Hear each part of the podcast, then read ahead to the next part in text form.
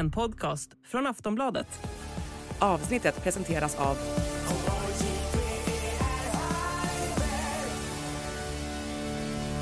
Stödlinjen.se, åldersgräns 18 år.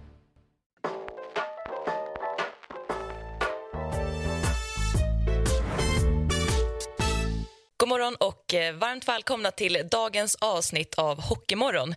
Det har blivit eh, tisdag och när det är tisdag så innebär det att vi ska snacka ner eh, en väldigt massa matcher från helgens SHL och även Hockeyallsvenskan tillsammans med vår stabila panel från Sportbladet här. Varmt välkommen vi till Simon Norberg och Thomas Ros. Tack så mycket. Hur har morgonen varit?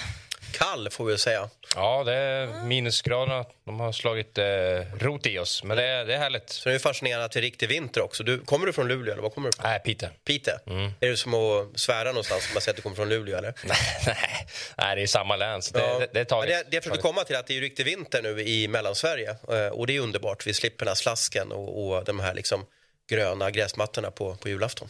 Mm. Ja, det är inte julen. Nej, men jag, nu tror jag kommer hålla i sig, det lovar jag. Ja, det är väldigt skönt. Man hoppas ju liksom att vi, nu när det är mörkt och lite jäkligt, att vi kan liksom vara den, det morgonprogrammet som folk vaknar till och har jäkligt gött till med lite tända ljus och lite kaffe och så. Tror ni att det är så hemma i Jag undrar om man börjar med det här eller om man startar med eh, julkalendern. Jag vet inte vad man först startar med. Beror på kanske man har, har barn eller inte då. Ja, det, det, är nog avgörande tror jag. Mm, min morgon var julkalendern, ja. highlights och sen åkte jag hit. Så det tycker ja, jag är ganska bra. Men årets julkalender är magisk måste jag säga. Nu ja. har jag ju flashback från när det kan vara 78, 79 någonting när den här Trolltyg gick första gången. Då. Ja. Det, är, det är en jättefin julkalender. Ja, ja, men jag håller med. Vi ska börja prata lite om det som hände i SHL i helgen. Eh, några matcher som stack ut. Vi kan börja lite med Leksand-Linköping där Leksand åkte på ordentligt med stryk 0-4. Andra raka nollan för Jesper Myrenberg, eller ska jag säga Murenberg. Murenberg ja.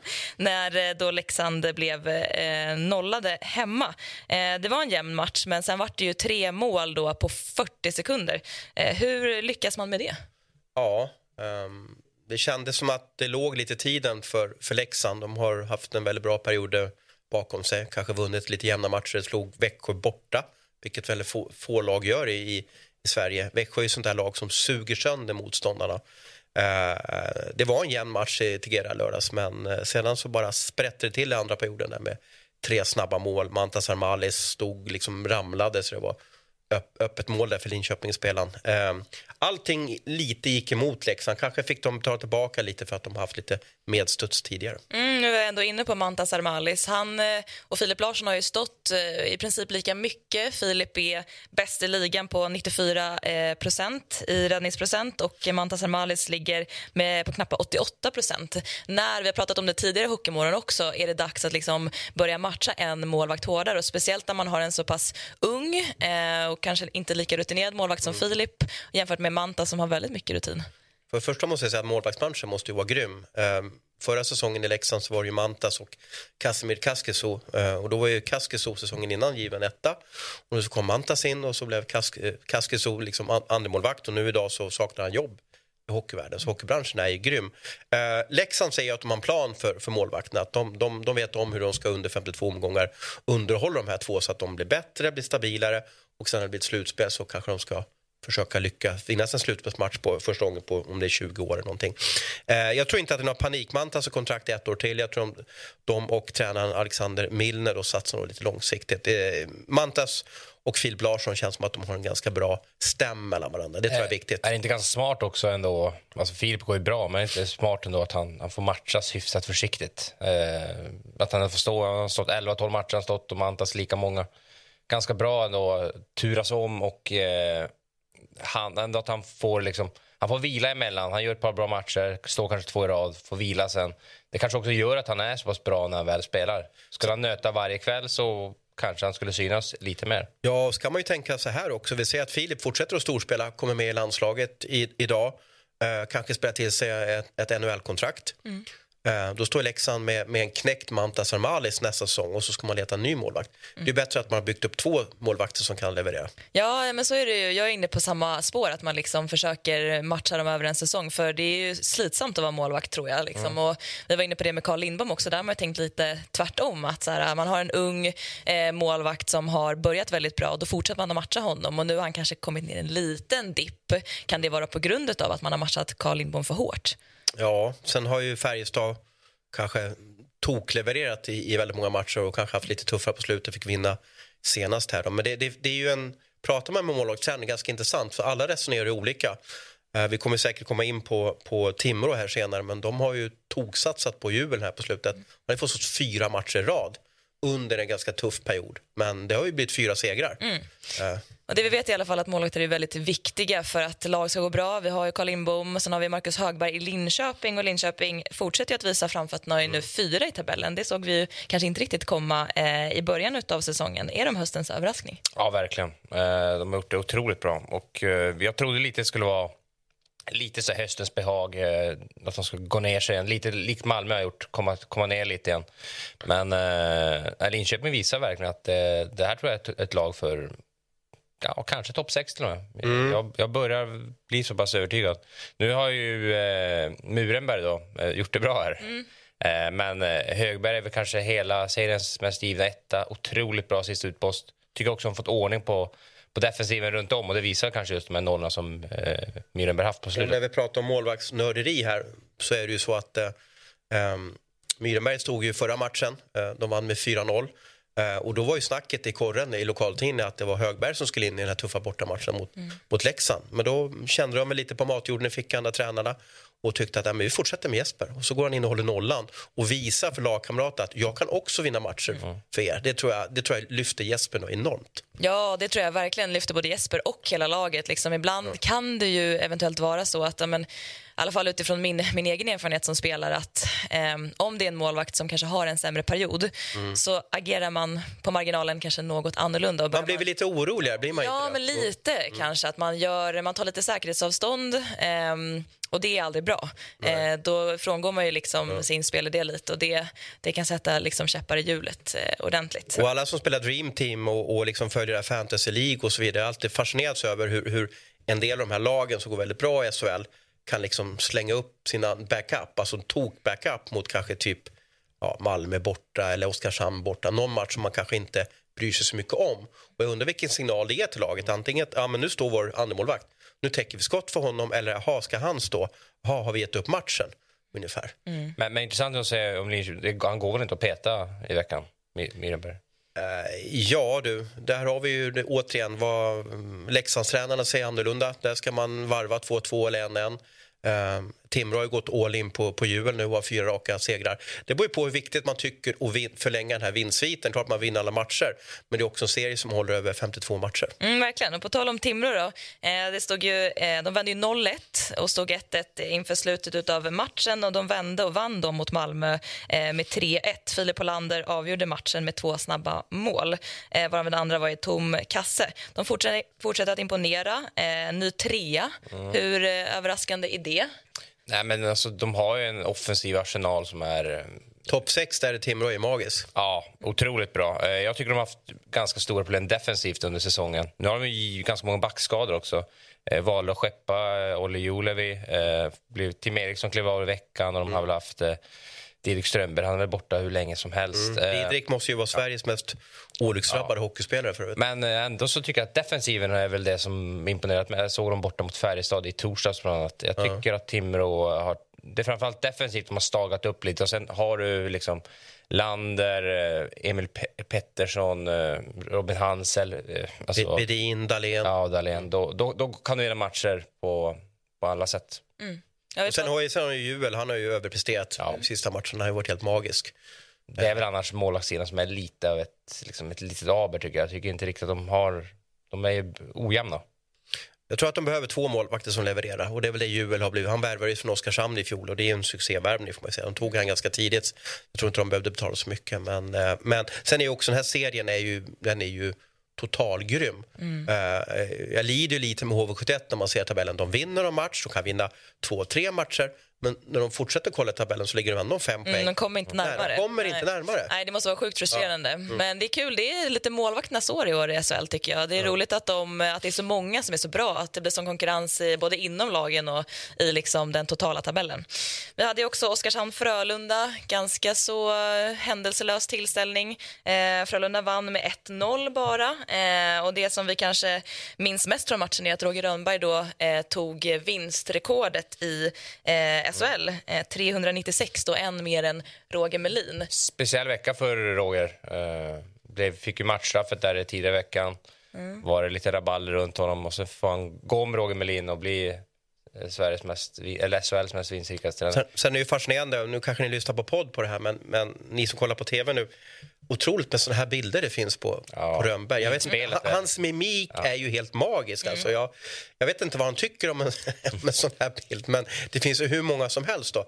Han berör ju svensk hockey, vi behöver honom. Det här är ju också näst sista säsongen vi får ha han i, i SHL på ett tag, så att vi ska bara njuta av alla hans utspel. Tror du inte att han går till något annat lag i SHL? Han flörtade ju lite med Skellefteå i en artikel här, eh, vilket gjorde mig lite förvånad. Eh, ja, ska han gå till ett annat lag ska han gå till ett lag som är högpresterande. Jag har svårt att se honom i ett lag som, som kanske Oskarshamn om de håller sig kvar.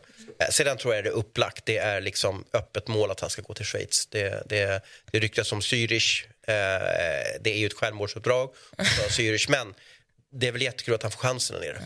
Men jag tänker, är det svårt att vara så hårt förknippad med en klubb och sen så gå till en annan klubb och liksom leverera där? Jättesvårt. Eh, Så det är därför också det kanske är bra att bryta med SHL helt och hållet eh, för att gå till Schweiz och sen eventuellt komma tillbaka. Jag tror att det är nödvändigt nästan. Det känns som att han är för förknippad med Frölunda. Jag tror att han behöver ett break, kanske sen kommer tillbaka om några år. Mm. Eh, Rögle-Modo eh, slutade 0-2.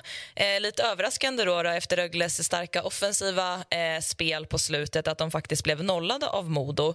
Och såklart väldigt viktig seger för Modo som har haft det lite kämpigt på slutet. Eh, vad säger ni om den här matchen? Ja, men det är väl det, man blir ju inte riktigt klok på, på SL. Alltså, om man skulle prata om kanske mest givna hemmasegern så hade jag nog liksom känt att det här borde nog Rögle som är på gång nu. Nu har de vaknat till liv. Nu har de liksom rusat förbi den här liksom, snesliga platsen på plats eh, 11 och 12 och så vidare. Man, man har fått tillbaka Bichel, eh, man har Ekeståhl Jonsson som börjar varm igen, man har 11 backar som har en konkurrens på försvarssidan som är helt otrolig. Har 11 backar? Ja. Åh, herregud. Ja, Ja. Så de kommer väl låna ut två stycken. Eh, Men, men det är ju det som gör att den här SHL-säsongen är ju jobbig för lagen som, som vinner men änd- ändå inte går upp i tabellen. Kanske lite roligt för oss som bevakar den för att vad som helst kan hända. Ja, men för Modo handlar det ju ändå till syvende och sist. Det är, det är, de ska ju undvika de två sista platserna. Uh, ja, jag tror att de kom, de, det kommer bli in på kniven för Modo. De är ju uh, vissa matcher lite valpiga, ibland eh, de har varit sämre på slutet. De är ju där nere ändå. Eh, nu är det ju tätt, tätt. Jag tror att eh, jag tror det är en viktig seger för dem och eh, de, kommer, de kommer behöva eh, rå, liksom råna till sig. Men vilka lag tror du hamnar i den negativa finalen då? Ja, det är, Oskarshamn är ju klara. Ja. Sen, eh, ja, det är väl, eh, liksom, jag kan tänka mig HV, Modo är väl liksom... Jag får känslan att Modo ramlar ner till slut i alla fall. Jag, Ja, jag, jag, jag har ju sagt det från första början, att jag, jag tror de kommer få det tufft. Men eh, jag var även in på Linköping tidigt. Men Linköping kan vi ju i princip räkna bort nu, tycker jag. Nej, men H, HV... Alltså, jag tror HV ändå till slut kommer lösa de, har, de, kommer, de kommer göra lite grejer på slutet. Eh, Ja, det är väl Modo då kanske. Ska vi ta en titt på eh, tabellen? då? Malmö glömmer jag nämna. Det är också... Just det, den, tur att du fick tabellen där. Uppräddad lite grann. Ja. Ja, men eh, det är ju som sagt fortsatt jämnt. Eh, vi har också nästa omgång som vi ska eh, kika på. Eh, som kommer upp där. Vad ser vi fram emot mest här? Ja, hur fick vi göra? Vad, vad fick vi kalla de här derbyna? Vad var det vi kom fram till? Ja, län... Surströmming-derbyt, Surströmming- E4-derbyt. Ja. ja, Ja. kärt barn har många namn. Nej, Modo-Timrå, väl bli- det, det finns ju lite rivalitet i alla fall. Verkligen. derby eller inte, men det är, det är en match jag ser fram emot. Ja, precis. Eh, Modo slipper stå i eh, glasburen eller vad det nu är. är det är. Det är hemmamatch för dem. Precis, Eh, precis. Så det blir härligt. Eh, Jag tror att det kommer bli... Ja, Växjö-Färjestad är också någon slags toppmöte. Mm. Alltid speciellt när Jörgen Jönsson får möta Färjestad tycker jag också. Ja. Ja, just det. Det är verkligen sant. Hey, I'm Ryan Reynolds. Recently, I asked Mint Mobile's legal team if big wireless companies are allowed to raise prices due to inflation. They said yes. And then when I asked if raising prices technically violates those onerous two year contracts, they said, What the f are you talking about, you insane Hollywood ass?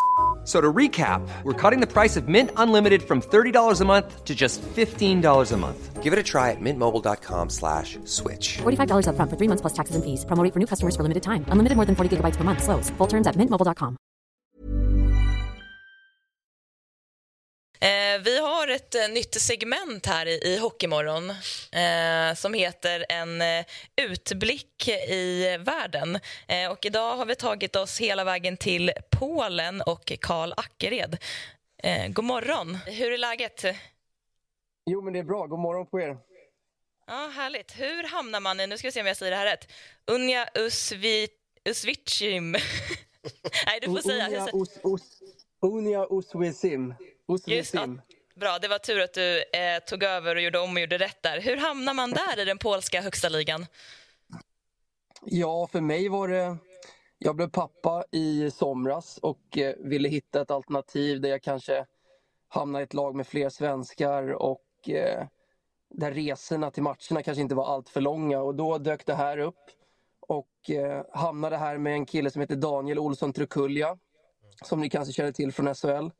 Eh, som jag har gått i samma klass som ettan till nian så det kändes ganska självklart och så även en kille som heter Linus Lundin och han hade tjej och barn så det, det blev ganska bra på så sätt.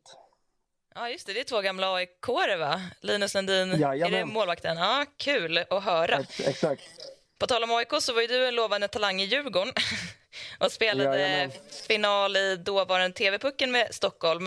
Eh, och sen blev det ju två matcher i elitserien med Djurgården innan du blev utlånad. Eh, vad minns Mm. du från den tiden i Djurgården och eh, vad saknades för att få vara kvar där? Om vi ska gå tillbaka lite innan vi fortsätter prata mer om eh, ditt liv i Polen. Ja. Nej, men det jag kommer ihåg då var ju att det var ju väldigt många gamla Djurgårdslegender i det laget. Alltså, det var ju på den tiden Djurgården fortfarande hade chans att vinna SM-guld. Eh, jag var ju där när de ja, torskade mot HV där i finalen. Så att det var ganska tufft att slå sig in och även 92, 90, 91 kullen var ju ganska starka. Så att det var en väldigt bra konkurrens. Så att på så sätt så ja, lyckades väl inte riktigt slå mig in där. Eh, mycket kanske för att fysbiten kanske inte riktigt var där. De var alltid på med att du är lite för tunn, du har det mesta men liksom du måste gå upp några kilo. Eh, ja, så för mig blev det ett äventyr ute i Sverige istället, i division 1 och lite allsvenskan. Mm. Ja, för du har ju eh, en otrolig lista av klubbar på ditt CV. Bara i Sverige har du ju åtta olika klubbar eh, efter tiden i Djurgården. Är du en, en rastlös själ eller gillar du liksom att byta miljö?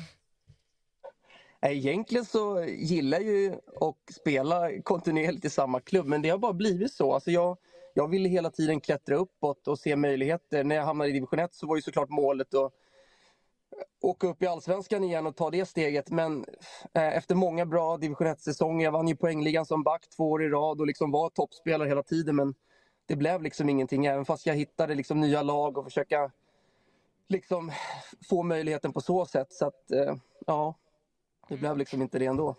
Ja, men du har ju ändå varit proffs i England, Slovakien, Österrike och nu Polen. Eh, så jag tänker att det har varit en jäkligt rolig resa.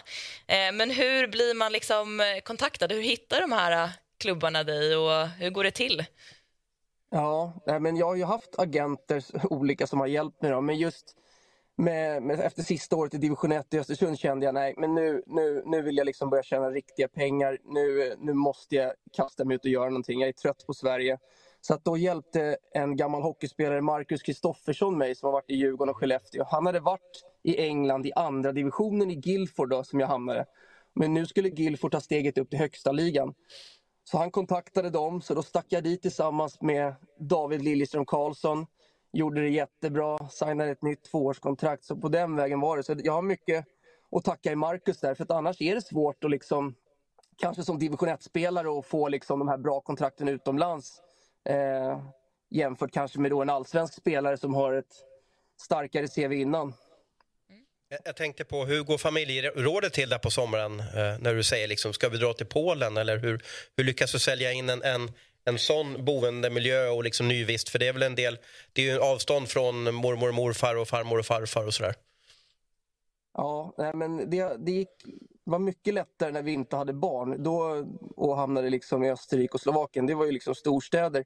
Men i år var det faktiskt en tuff vår, sommar, silly för mig. Det var mycket fram och tillbaka med tjejen och vi visste inte. hon sa det, jag litar på dig, men liksom det var nervositet mest hela tiden känns det som. Men eh, ja, ja, det landade vid att hon, hon kände att hon litade på mig och mycket var också för att Linus hade sin tjej här tillsammans med ett barn som är lite äldre. Så de hade ju varit här förra året och gjort den här resan. Så det var väl den tryggheten som ändå kände att nej, men vi, vi kör på det här. Liksom.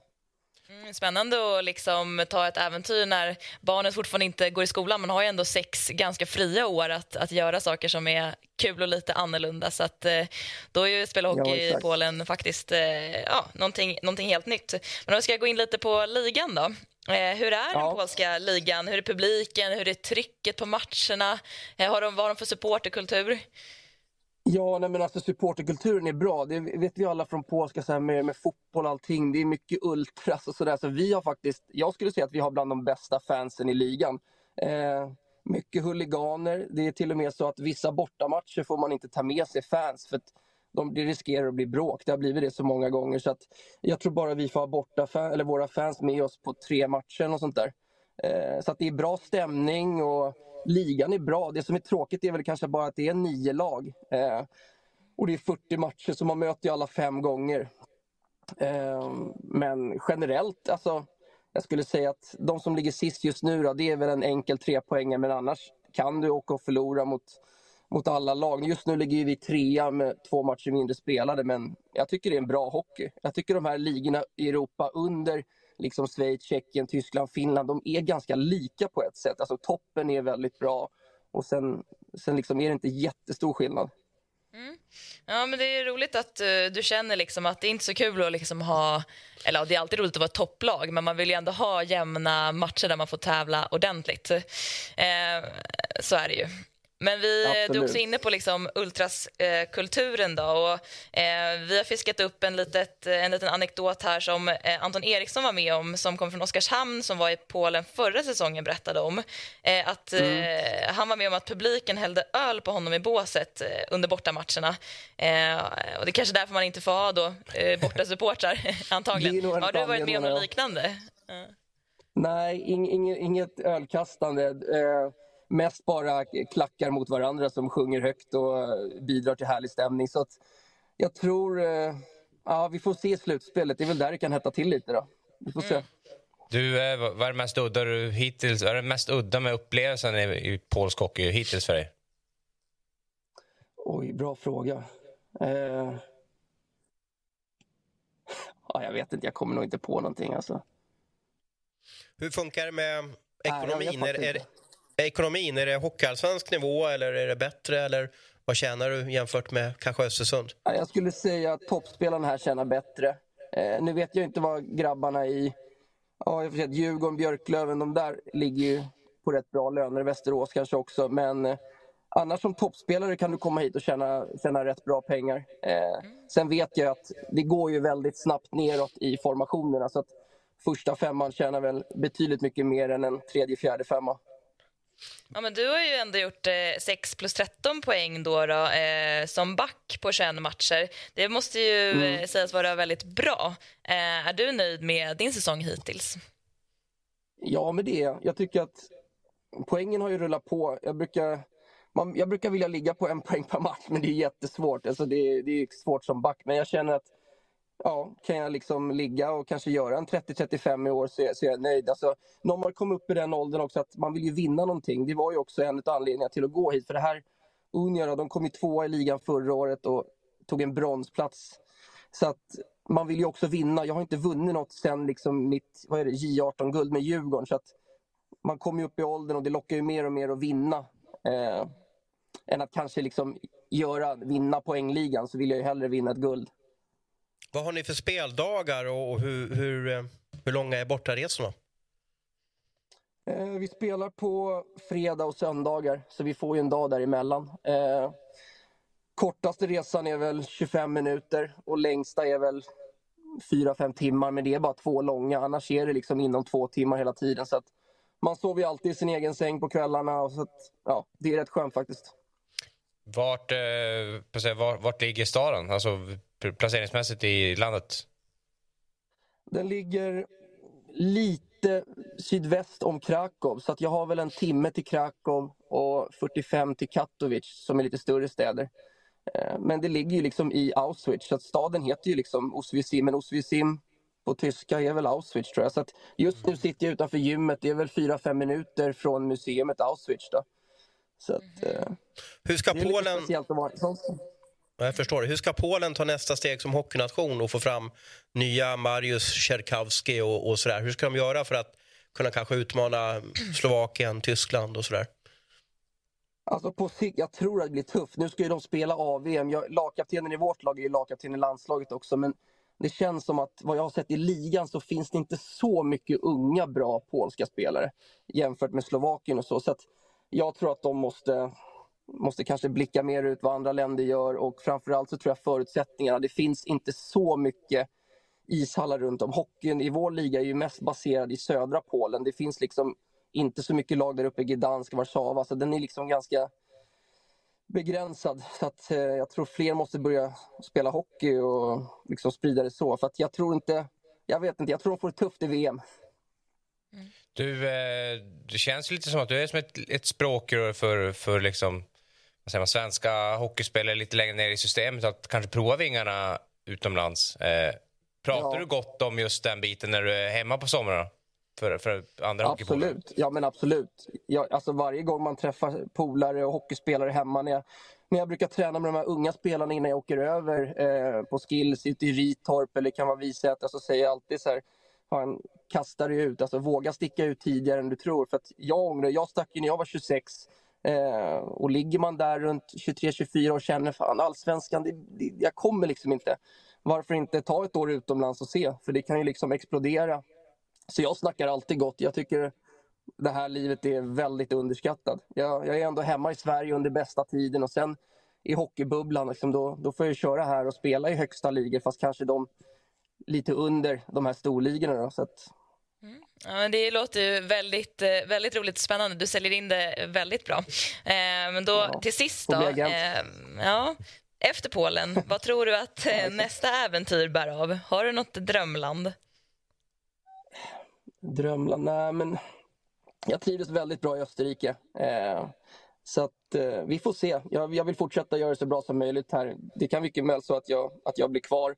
Men eh, jag känner väl ändå att jag vill spela i två år till kanske. Så att jag vill ju liksom eh, hamna på bra ställen där jag, där jag tror jag kommer trivas. Så att vi, vi får se. Jag, jag trodde aldrig jag skulle spela i Slovakien. Nu har jag varit där två gånger. Polen kändes inte heller aktuellt för många år sedan, så nu är jag här. Så det kan lika gärna bli ett land som jag absolut inte tror jag skulle spela i. Superspännande. Vi kommer ju följa dig här från Hockeymorgon i alla fall. Eh, nu ser du eh, redo ut för gymmet, känns det som. Ja, vi ska dags? hoppa in och köra här. Jag sa, jag sa till fystränaren att jag kunde bli någon minut sen, så vi, det, det är lugnt. Skönt att höra att du prioriterar oss i Hockeymorgon. så tack så jättemycket för att du tog dig tid, Karl, och lycka till på träningen. Kör hårt. Tack så mycket. Ha det bra, hörni. Detsamma. Hey. Quality sleep is essential for boosting energy, recovery, and well being. So, take your sleep to the next level with Sleep Number. With a Sleep Number smart bed, you can individualize your comfort level and enjoy a better sleep night after night. JD Power ranks Sleep Number number 1 in customer satisfaction with mattresses purchased in-store. And now the Queen Sleep Number C4 smart bed is only $1,599, a saving of $300 only for a limited time. For JD Power 2023 award information, visit jdpower.com/awards. Only at Sleep Number stores or sleepnumber.com. Ja, härligt, eh, väldigt härligt att höra. Man har inte så mycket insyn i den polska hockeyn så att det här segmentet får bli återkommande tror jag när vi blickar utåt i Europa och världen. Och när vi skriver om den polska ligan så är det ofta som kanske lite skandaler, huliganer eller som när Peter Ekroth för några år sedan, eh, tränaren då för ett polskt lag, jag kommer inte ihåg, inte fick ut någon lön. Och då tänkte han, ja, men då åker jag dit på kvällen och så skulle han stjäla eh, skridskoslipen och ta med sig hem till Sverige som en lön. Mm. Det han inte visste om det var ju att eh, det var ju kamerabevakning överallt. Så att när general manager på morgonen kommer in där och kollar på vad som har hänt under natten så ser vi Peter Ekroth springa in och, och liksom skruva loss skridskoslipen. Så det vart ju, eh, det vart ju domstolsförhandling om det där. Det vart ett jäkla liv då. ja, vi ska faktiskt raskt gå vidare till eh, vår nästa eh, länkgäst som är ingen mindre än Christian Berglund, SM-guldvinnare med Färjestad 2011. Du har gjort tre säsonger i NHL, 371 matcher i SHL och eh, du avslutade karriären 2017 i Karlskoga i Hockeyallsvenskan. Ehm, hur har din morgon varit? Jo då, jag har varit på jobbet en stund och sen åkte jag hem och satt mig lite och ro här. Ja, jaså. Ja, det var ju eh, verkligen upp i gryningen. Mm. Ja, eh, vi ska snacka lite till att börja med om din son eh, Jack Berglund som debuterade för Färjestad och eh, dessutom eh, gjorde mål eh, senast. Hur var den matchen för dig att följa? Nej, det var nervöst, men det, det började redan på förmiddagen när han ringde och sa, eller messade att det blir nog ingen, för de satt ju fast i flyget och i Karlstad i säkert två och en halv timme. Ja, att de inte kunde landa i Luleå. Då tänkte jag, fasen också, tänk om han inte får chansen nu. Och jag ville verkligen att han skulle få göra debut före mig. Du var inte sugen att sätta dig i bilen och dra norröver? Nej, Nej jag tänkte inte ens på det. Nej. fattar du. Du sa att han fick göra, eller skulle få göra debut före dig. Du var alltså också i, i närheten av eh, 17 år eh, när du gjorde din debut. Ja, jag tror att var, jag var januari, februari när jag var 17. Så att han slog mig med några månader. Ja, det var skönt att höra. Har han varit kaxig eh, kring det eller är han ödmjuk? Han är faktiskt väldigt ödmjuk. Så att, eh, mm. nej. Men det, var, det var, tyckte jag var jättestort att han kunde slå min, min debuttid. Så, så att, så det, var, det var en magisk dag, matchen. Och han fick göra mål, så det var som en saga. Ja. Hur, hur, kände du när han gjorde mål? Alltså, hur slog du sönder någon golvlampa? Eller hur, hur, vilken liksom eufori blev, vart det där hemma? Jag grinade, hoppade, gjorde målgest och skrek. Jag var, som tur var jag, jag var själv hemma så det var ingen som blev livrädd. Det, det är en sån där film man vill se. Hänger du med liksom, när du bara går bananas? Ja. Oh, det låter ja, otroligt det var, det var en, bland de bästa idrottsupplevelser jag varit med om tror jag. Gud vad kul. Ja, och han får ju faktiskt spela med eh, Per Åslund då, då som eh, du faktiskt också spelade med i Färjestad. Eh, hur, hur var det liksom att se eh, Per och Jack tillsammans? Ja, det var faktiskt coolt att hon spelar ihop med en som jag spelar samma kedja en del med. Så att jag träffade Åslund och sa, du förstår vad gammal du är va? ja, men det är rätt. Man ska hitta gliringar eh, på alla ställen som man kan. Mm. Um, hur är Jack då som eh, spelare? Finns det några likheter eh, mellan er två eller är han en annan typ av spelare? Ja, vi är ganska olika varandra fast det är vissa saker som är lite med passningsspelet som är samma. Men annars är han, han spelar center, han är ju 1,90 lång uh, och jag är 1,80 så att jag var väl väldigt snabb när jag var yngre. Han är väl mer, inte lika snabb kanske, men väldigt smart på isen. Så att, ja, vi får nog säga att vi, och så är han lite snällare än vad jag var. Jaså, ja. Det tror jag inte är så jättesvårt att vara. Nej. kanske, kanske det är så. jag, jag, var med i en podd där för någon vecka sedan och då fick jag en fråga om, om, om det är på något sätt på, på tapeten just nu eller om det alltid varit så att för detta hockeyspelare och deras söner just nu att det är väldigt många liksom hockeysöner som kommer upp i SHL. Vi har Herman Liv också, vi har Radjojevic i Örebro och så vidare. Um, Ville du att sonen skulle bli hockeyspelare eller kan man, när man har varit på den här nivån tidigare som du har varit, kan man hjälpa dem att skola in dem på rätt sätt? Eller hur ser du på det att liksom hockey, elitspelare, alltså söner, liksom ganska ofta nu tar sig hela vägen till SHL?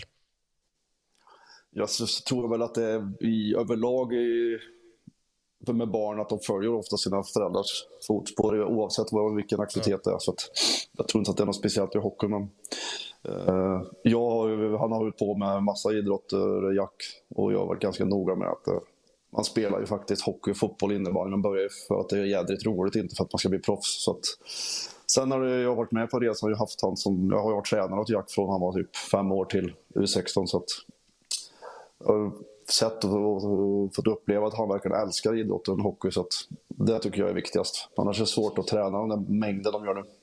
Mm. Sen måste han ha sprungit i omklädningsrummet också och tittat på alla liksom, stjärnor där i, i Färjestad och måste ju också känt så att här vill jag också vara när jag är stor. Jag, jag får den känslan Ja. när man går in i omklädningsrummet ibland när man ser liksom här äh, små parvlan som springer omkring att de, de drömmer nog en gång att få, få vara med där. Så är det ju. Han har ju alltid varit en Färjestad-fan också så att han vill ju spela Färjestad än att byta lag så att han eh, lever ju drömmen.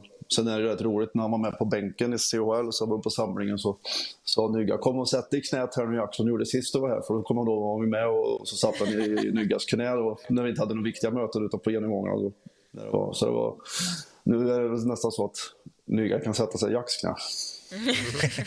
Ja, det skulle vara en bild som vi skulle vilja ja, stagea nästan. Det är en riktigt fin historia, verkligen. Och vi fick se fina bilder här också när han var med och lyfte SM-pokalen eh, 2011 var det va? Ehm, Ja. Jack.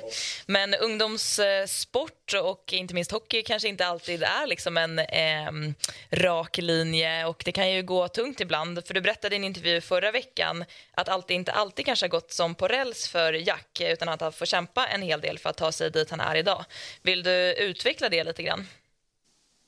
Nej, men han har väl eh, haft lite tröga starter på sista säsongerna som har varit och han har inte tyckt att det gått så bra och varit besviken och ledsen och jag blir ledsen. Och, men, men han har ändå, som det som är så bra med honom, att han, han älskar att åka till ishallen och de har en jädra god grupp i laget i juniorerna där som hänger på sidan av och tävlar på träningarna rätt hårt. Och, så att, och, men han har fortsatt att ligga i och kört extra och liksom aldrig varit något strul att, man, att jag tycker det är tråkigt. Utan han har alltid älskat idrotten och det tror jag att du kommer få ut så mycket mer av din träning om du verkligen tycker det är roligt det du gör. Det är svårt om du inte egentligen tycker att det är så jävla kul, utan du bara gör det för att det är typ som ett jobb. Så att det har ju gynnat hans framgång, att det blev enklare för honom. Var har ni pucken någonstans? Målpucken? Den eh, sitter i hyllan eh, så bredvid tavlan som han fick av... Eh, han fick en tavla när han kom hem från en av den som mediaansvarig där med på bilden när här pucken går in i mål där. Och så att den sitter redan uppe på väggen. Och pucken är bredvid. Ja, verkligen. Han har ju onekligen många förebilder och en av dem kanske också är Rickard Wallin. Eh, hur eh, ser den relationen ut? Nej, men det är ju... Det det är klart att det är lite speciellt att jag och Rickard har känt varandra så länge och Rickard är ju gudfar till Jack så att... eh, men eh, han har sköter det här jävligt proffsigt, Rickard, så att eh, han, eh, han behandlar honom som man behandlar de andra juniorerna. Så att det vill, är det väldigt, väldigt noggrann med och det tycker jag är helt rätt. Så att han inte ska få någon förtur inte. Nu, nu kanske målsättningen är högre ställd än så, men du har gett Jack också lite av en livförsäkring i och med att han kan spela på schweizisk licens i, i framtiden om han skulle vilja.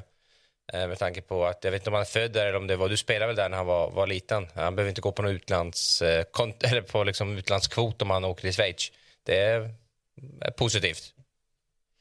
Tänkte den sitter jäkligt still nu. Ja, han. Jag tror bilden frös. Ja, Han tröttnar på din fråga. där.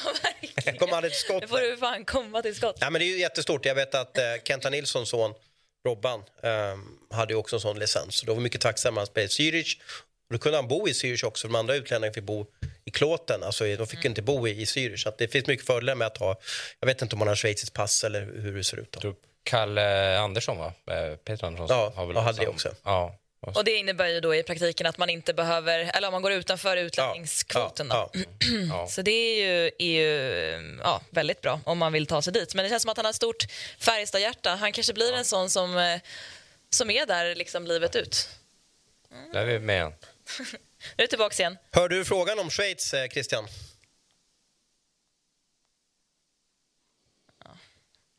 Jäkla Jag struligt. hör det nu i alla fall. Ja, Ja, okej, men nu hör vi dig, så nu verkar det funka. Eh, Simon, du kan få upprepa din fråga. Ja, jag sa att du... Eh, nästan lite med livförsäkring, Jack, att han, han kan ju spela i Schweiz på, eh, som, som en inhemsk spelare. Eh, det är ju inte till hans nackdel. Nu kanske han har blicken eh, högre riktad än så, men, men du förstår vad jag menar. Det är det är inte negativt i alla fall. Nej, det är klart att det eh, är enklare att få ett jobb om man har schweizisk licens. Så att, eh, eh, men det vet man aldrig. Han får gå sin egen väg. Och eh, nu har han gjort en match i, i Färjestad, gjort debuten eh, och Färjestad har ju gått som tåget egentligen hela säsongen. Men vad är din take på, på årets upplaga av Färjestad. Eh, vad säger du om starten och vad tror du om eh, serien vidare framåt?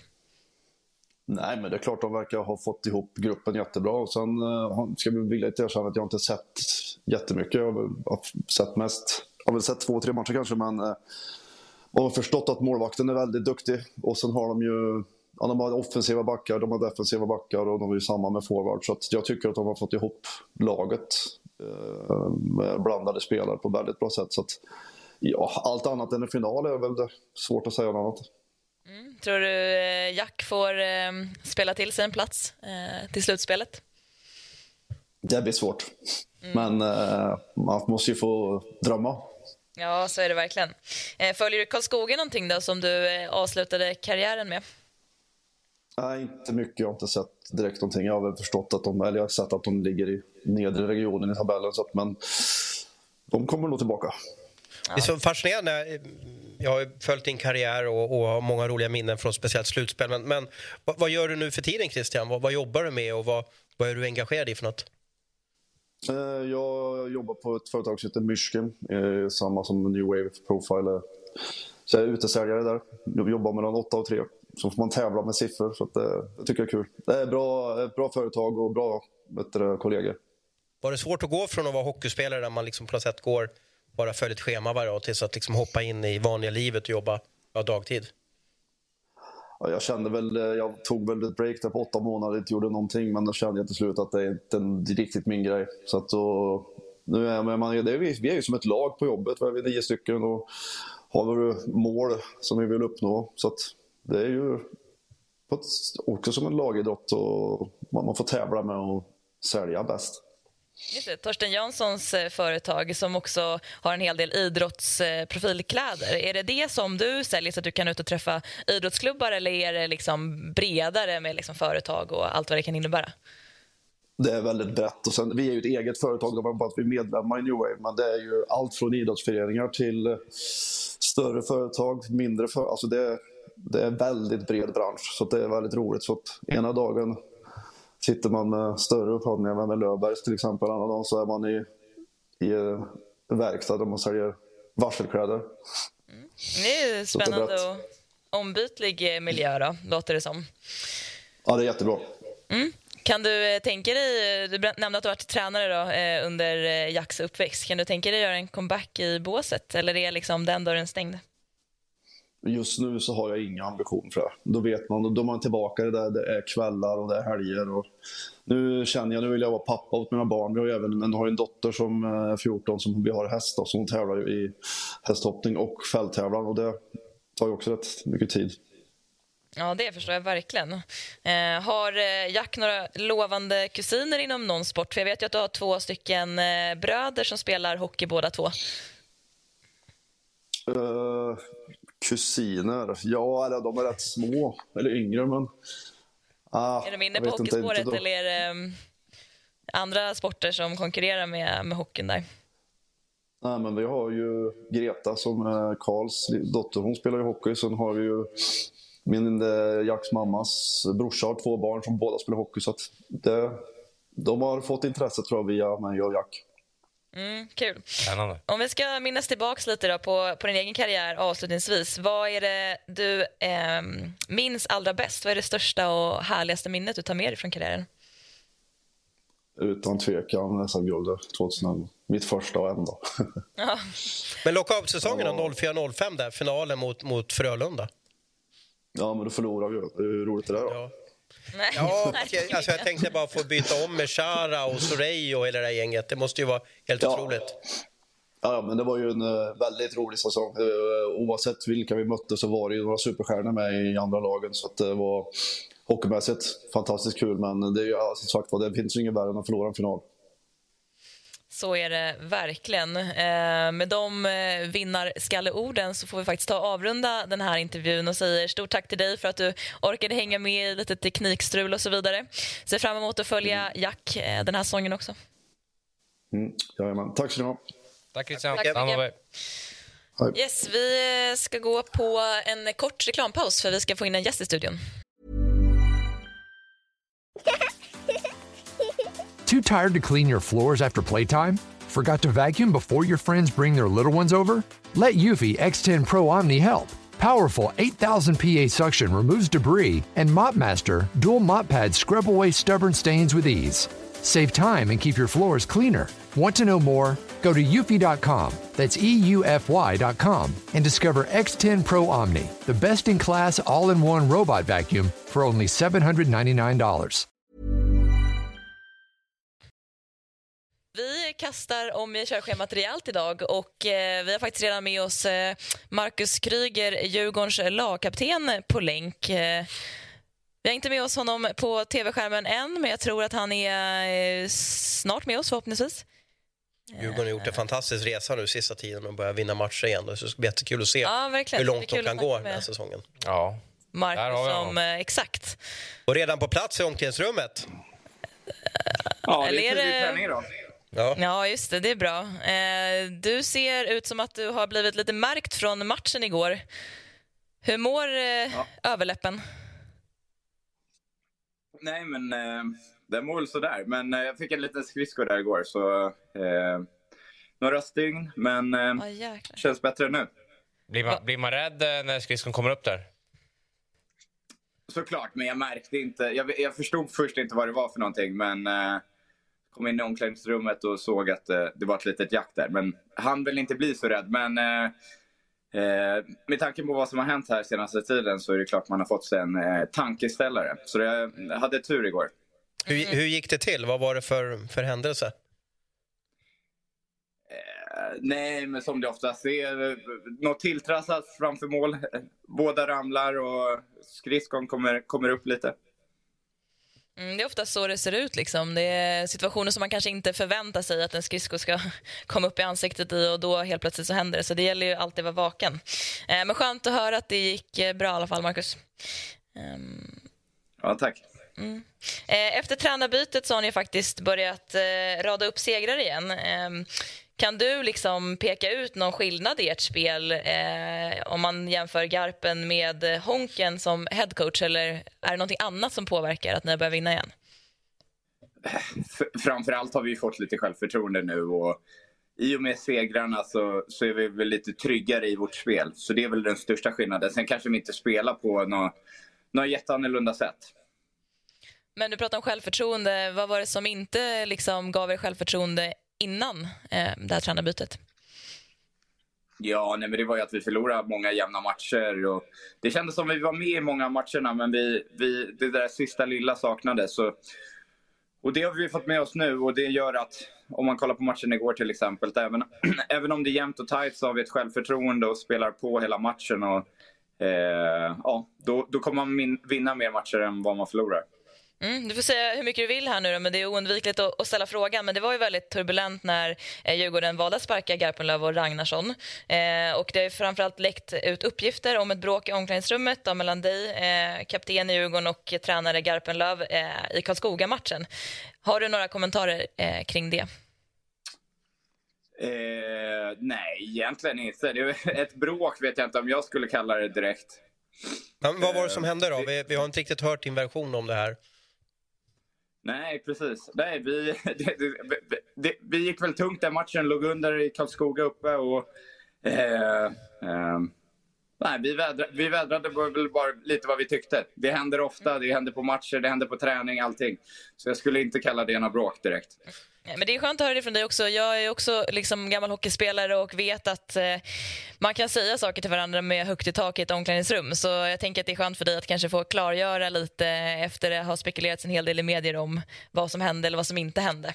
Eh, men i vilket fall så har det skrivits mycket om, om Djurgården den här säsongen och eh, men det kanske har varit lite turbulent. Hur påverkas man som spelare och egentligen hela spelartruppen av att det skrivs mycket i media och att det är liksom tryck utifrån och Djurgården är alltid eh, Eh, liksom i, i ljuset på grund av att man är Djurgården. Ehm, hur hanterar du det som ledare och kapten? Tycker du att det har påverkat er och vad kan du göra för att liksom underlätta?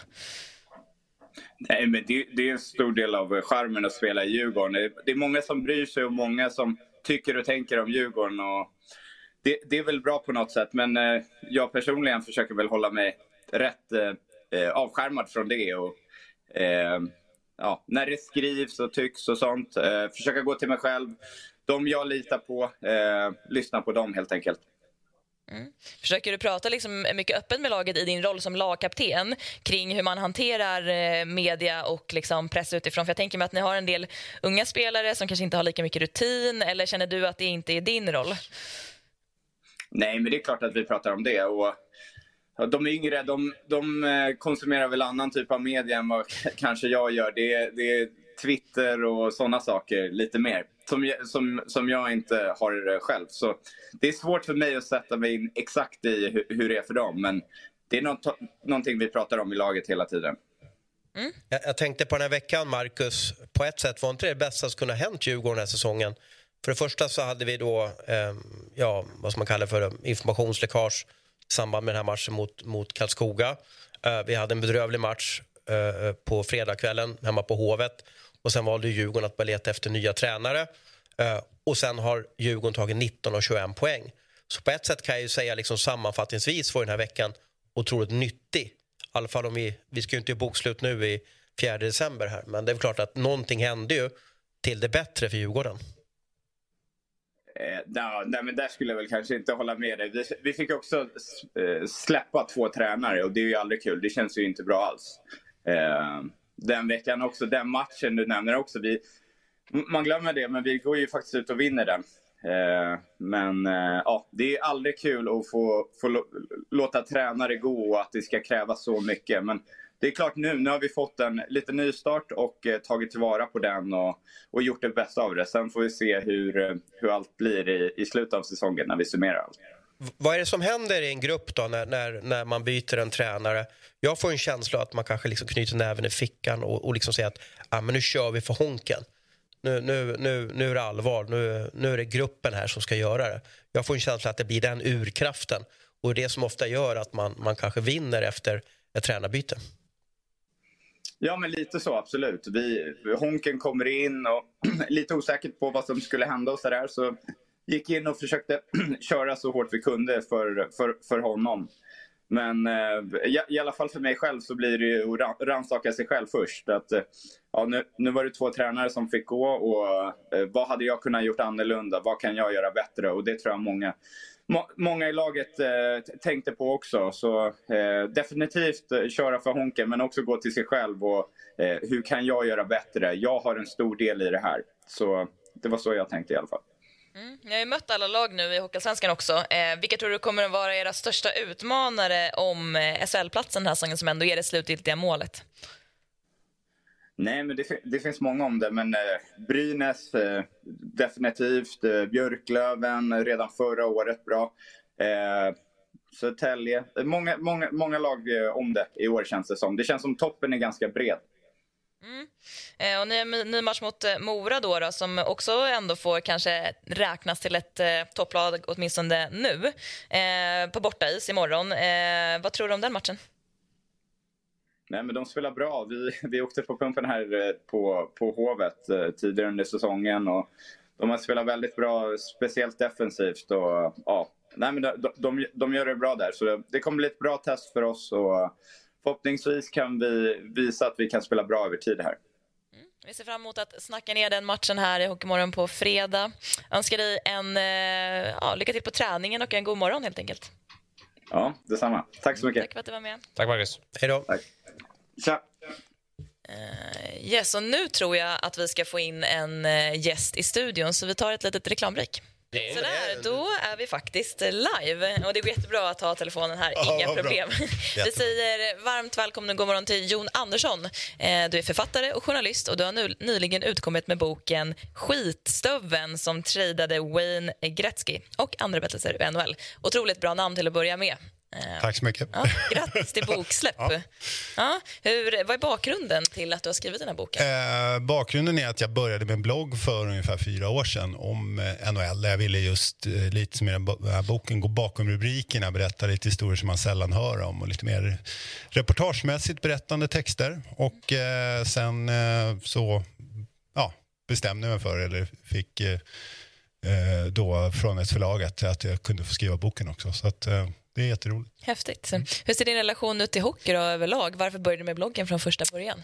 Ja, men det har ju funnits ett NHL-intresse ända sedan jag växte upp och då var ju NHL ganska oåtkomligt. Man eh, kunde bara ja, man, man fick se på Sportnytt på kvällarna. Om man hade tur så kunde man se något klipp från något mål som de svenska hade gjort och följde slaviskt eh, svenska poängligan i kvällstidningarna och sådär. Men det var väldigt oåtkomligt och då var det lite häftigt också tror jag och eh, sen har det där följt med och eh, eh nu kan man ju se alla matcher så nu är det också häftigt att gilla NHL. Mm. Så att eh, ja, jag har följt eh, hockey generellt men NHL framför allt sen unga år. Jag är uppväxt med Gretzky så att det ska bli jätteintressant att läsa den där boken. Handlar det om, alltså nörda ner det om själva traden? Är det det som är taken? Eller vad, vad är det? Ja, alltså det är ju en story då. Det är ju 16 olika kapitel och ja. ett kapitel handlar just om traden okay. eh, och om eh, hur det gick till. Det var ju 1988 när eh, Wayne Gretzky helt plötsligt då hela hockeyvärlden chockades när han eh, tradades då från Edmonton Oilers till Los Angeles Kings. Så det var ju ramaskri i hela hockey-Kanada, inte minst i Edmonton men även i övriga Kanada.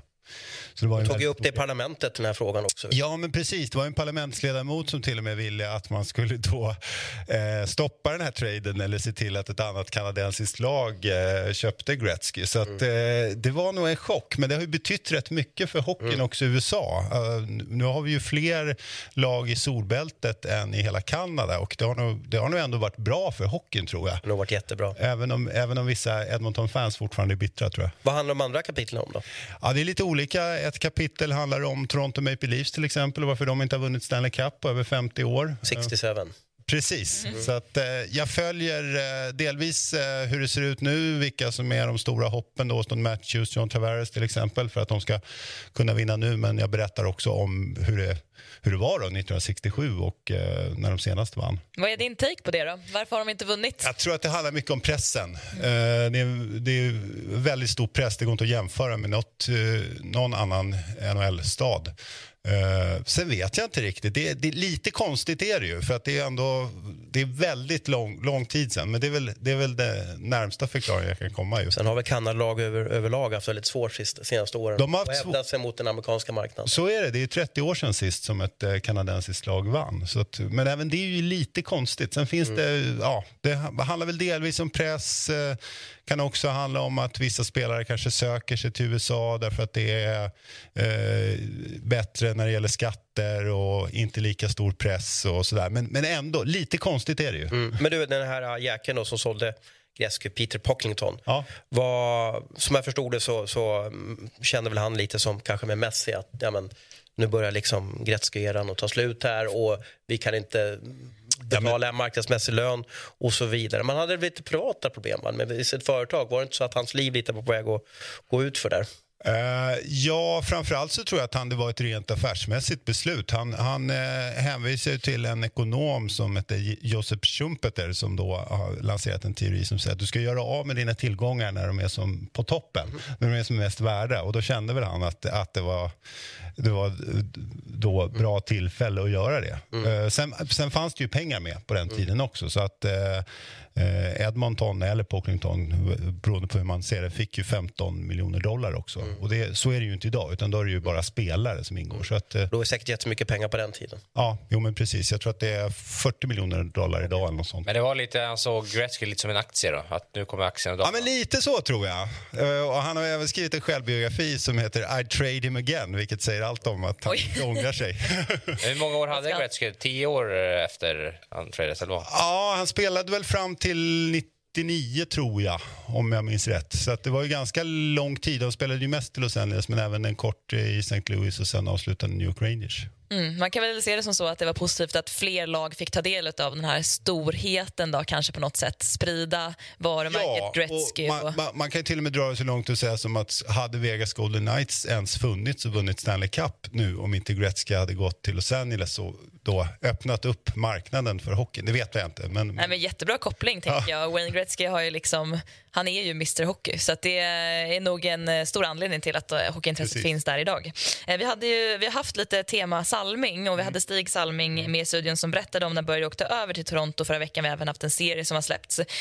vad tycker du, liksom, hur förändrade Börje Salming synen på svensk NHL? Nej, men det, tidigare så var det ju mycket snack om chicken Swedes och att eh, svenskarna inte riktigt kunde klara av det tuffa spelet i NHL. Och sen när han kom över och började täcka skott Eh, han eh, ryggade inte för slagsmål. Och, så tror jag att man fick, och inte minst eh, i Canada Cup 1976 med den här stående ovationen då, så insåg ju uh, svenskarna att uh, nu är vi accepterade i NHL. Så att han, han, är väl inte det, han var inte den första och uh, inte den bästa heller men den som nog har betytt, eller nog, den som har betytt mest för svenskar i NHL. Så att han var jätte, jätteviktig. Mm. En annan svensk som har betytt mycket i NHL är Håkan Loob. Eh, klarade av att göra 50 mål under en och, och, samma säsong. Är det någon annan svensk som har gjort det? Nej. Eh, sen dess? Nej. och jag har intervjuat honom och han tycker själv att det här är lite konstigt. Eh, men eh, sen är det som han säger att det är väldigt mycket tillfälligheter. Allt ska stämma, du ska vara skadefri, du ska spela en bra, bra kedja, du ska liksom eh, få, få vara inne mycket på powerplay. Och, alltså det finns, eh, så det är mycket såna här saker som, som, som ska stämma. Så jag tror Kenta Nilsson och Marcus Näslund tror jag båda har landat på 49 och så där. Så att det är ju det, det, det är ju spelare som har varit nära. Men det, det visar ju hur svårt det är och, och, även då att ja, storheter som just de jag nämnde eller eh, tvillingarna Sedin eller Mats Sundin, eh, Peter Forsberg, ingen av dem har ju faktiskt klarat av det. Nej, det är ju verkligen anmärkningsvärt. Men vi har många duktiga svenskar i år som har börjat och ligger i alla fall i toppen av poängligan. Eh, vem tror du kanske har störst chans att nå 50 mål i år om vi ska gissa lite? Ja, Elias Pettersson, fast möjligen att han är mer en eh, passningsspelare. Filip Forsberg kanske. Han har en riktigt bra han, han är ju en riktigt bra målskytt också. Men eh, det skulle väl vara någon av dem, Elias Pettersson, Filip Forsberg, Zibanejad, om han kommer igång så skulle han kunna göra det också. Mm. Eh, väldigt eh, aktuellt, men eh, Viktor Hedman gjorde 100 000 den matchen med Tampa Bay natt. Ja. Vad tycker, ja. vad tycker, du om honom och hans storhet? Ja, det är oerhört stort alltså. Och jag tror jag läste att han är väl en av bara sex svenskar som har spelat tusen matcher i en och samma klubb. Så att han kommer ju bli en av de här riktigt stora ikonerna. En riktig Uh, ja, en arvtagare till Börje kan man väl säga. Och, mm. uh, han vann ju Conn Smythe också häromåret uh, när, när Tampa Bay vann sin första av två Stanley Cup. så att han är oerhört viktig och har kom, gjort en bra öppning på säsongen. Hade lite jobbigare förra året men nu i år har han verkligen kommit tillbaka till gammal form. Känns som att han kan lira kanske fem säsonger till också. Då är han ju uppe i 1400 NHL-matcher. Ja men precis. Nej, men det är en riktig, riktig ikon alltså. Mm. Jag också, eh, man blir alltid så, eh, när man ser hur amerikanerna liksom hyllar sina hjältar, det var ju något öppet, pappan skrev något brev och det var ju, hela familjen var på plats och det var ju stort i natt där borta såg jag. Det, där ligger vi i Sverige en bit efter. Ja, och det är ju roligt också att han kom från Örnsköldsvik. Han är ju inte den enda av Nej. våra stora hockeystjärnor som kommer från Örnsköldsvik. Eh, så att, eh, nej men verkligen, jättestor. Verkar vara en väldigt bra person också vid sidan av isen. Så att det, det är roligt. Hur mycket följer du NHL? Um... Ehm, ja, men det blir väl en, eh, jag vet inte, fyra, sex, åtta, tio matcher per vecka. Någonting sånt där. Nej, men sitter, sitter du uppe på nätterna och kollar? Jag brukar faktiskt, eftersom jag ändå har ett dagjobb och mm. familj och sådär så blir det mest att jag tittar då ja, på morgonen eller liksom efter jobbet eller på vägen till jobbet. Eller... Vilka är favoritlaget då? Vilket lag vill du liksom slå på? Och... Ja, men det är väl Edmonton tittar jag okay. lite extra på mhm. faktiskt. Så de, de, deras, de, jag ser nästan alla deras matcher. Okay. Ja. Vad tycker du om NHLs visit här i Sverige då? Han... Ja, men det var jätteroligt ja. faktiskt. Det var inte minst det, avslutningen var ju fantastisk. Jag var på den matchen eh, eh, när eh, William Nylander avgör på, på övertid mm. inför ett fullsatt Globen. Vad är det för fel på Edmonton då? Vad... Ja, de får ju alla sina höga draftpicks men då får de inte ihop. Nej, jag vet. Nu börjar de komma igång. De har haft en väldigt dålig inledning på säsongen. Eh, sen tror jag att det är ju lite framtungt. Alltså. De har ju fantastiska Leon Draisaitl och Conor McDavid och ett bra, överhuvudtaget bra anfallsspel. Eh, försvaret har väl varit lite sämre så det, väl, det, har väl varit ett problem och i år har det gått dåligt. Nu går det lite bättre så vi får se om de klarar slutspel. Tror du, eh, om vi nu knyter ihop med boken, mm, att mm. de kan behöva göra en Gretzky igen? Sälja någon av de där två stora drakarna? Det diskuteras ju det en del. Jag tycker ju inte det, men eh, det är klart, någonting måste de väl göra. Eh, om det inte går i år heller så måste man ju börja fundera över hur har man verkligen satsat rätt? För att det behövs ju, det visade Vegas förra året också, att det behövs ju ett bra försvarsspel för att kunna vinna Stanley Cup. Ska man, ska man skicka McDavid till San Jose eller Seattle? Eller Jag vad, vad tror- kan bli jag- jag- alltså 2023? Jag liksom. tror de kommer göra allt för att behålla McDavid. Och egent, ja, fast egentligen tror jag han blir kvar också. Alltså. Men, eh, ja, så att jag, jag tror nog inte på den lösningen, men det är väl kanske vissa som förespråkar det. Mm. Och till sist då, eh, vem eh, tycker du ska köpa eller och läsa skitstöveln som tradade Wayne Gretzky? Ja, men inte minst alla som, som eh, tittar på det här programmet eh, som är hockeyintresserade. Men jag hoppas att även, liksom, i alla fall allmänt sportintresserade, folk som vill veta lite mer om, om spelet bakom rubrikerna och, och kanske läsa lite annorlunda texter som man inte så ofta läser på, på sportsidorna. Så att, hoppas jag. Jättekul. Ja. vi, eh, vi ser fram emot det. Jag tänker absolut läsa den. Och, eh, eh, den finns att köpa då hos Adlibris och finns som ljudbok också kanske för de som Ja, men eh, precis. föredrar den, det. den finns på de flesta Ja. nätbokhandlare. Har du läst, läst in ljud själv eller? Ja, precis. Ja, det är så. Ah, härligt. Eh, Snyggt. Ja, men tack så hemskt mycket till dig för att du kom hit idag och berättade om din senaste bok. Eh, Det Tack var så väldigt mycket. kul att höra.